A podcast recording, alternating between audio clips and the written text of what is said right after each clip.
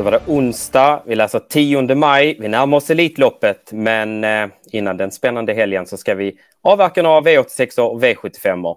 Ikväll är det V86 som gäller. Det är Solvalla och Jägersro som delar på tävlingarna. Och vi på Travvarnens Spel har som vanligt tagit ut tre rubriker att prata lite närmare om.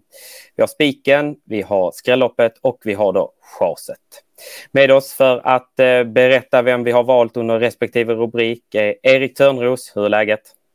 Ja, men det är som du säger fantastiskt eh, kul att se när, ja, om alla fina och bra hästarna kommer ut här och vi har ju ett sånt ikväll, Meadow roadslop där, ja, eliten är samlad och vinnaren får en plats i Elitloppet. Nej, toppsport, så nej, jag ser fram emot kvällen.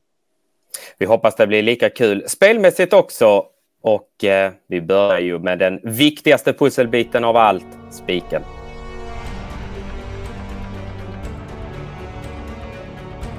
Spiken, då vänder vi oss till Jägersro. Vi går till V86 och eh, ja, han är favorit i nuläget. Han lär väl också vara så ikväll. Två Eagle Rock. Erik, hur motiverar vi detta?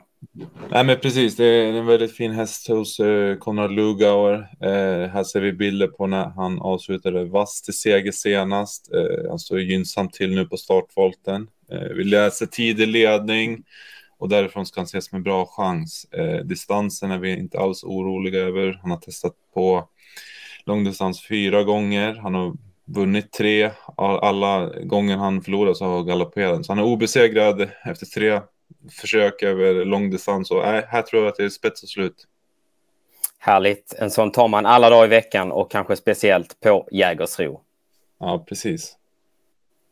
Då eh, känner vi oss klara med spiken och vänder oss till eh, där vi ska få upp utdelningen lite. Skrälloppet.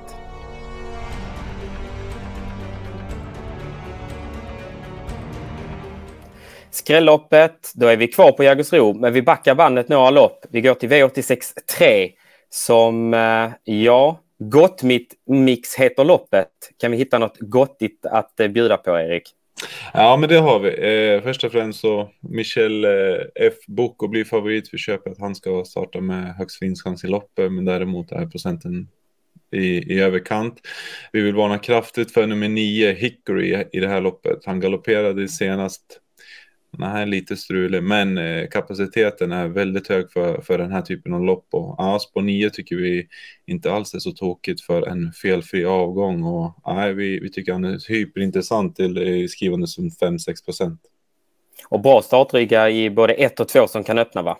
Precis, han kommer hamna bra på det och ja, det är en ganska oöm sort som, som tål att göra mycket med. Det igen, kapaciteten är, är väldigt hög för, för sammanhanget.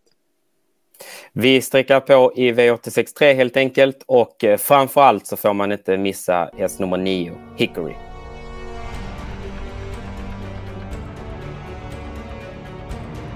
Raskt marscherat är vi framme vid sista punkten och det är chaset då.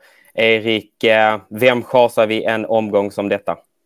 Ja, men då går vi till V864 och här tycker vi att nummer 12, Village Party, är alldeles för hårt eh, spelad. Eh, han har ju förvisso gjort det väldigt bra hittills i karriären, vunnit 4 av 5 och senast rökt de skorna för första gången och ja, intrycket var bra. Men det är klart tuffare motstånd nu och eh, vi håller eh, framförallt två hästar klart högre än honom i det här loppet. Eh, läget är också inte lika kallt över långdistans, men eh, spot 12 alltid spot 12 och ja, till eh, 17-18 procent så är han eh, klart överspelad.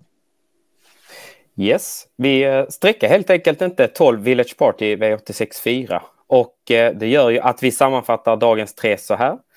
Spiken i omgången hittar vi V86.7, häst nummer 2 Eagle Rock som vi tror leder runt om. Skrälloppet, det är V86.3 där vi vill varna kraftigt för häst nummer 9 Hickory. Och sen i loppet efter, V864, där hittar vi omgångens chas då i 12 Village Party.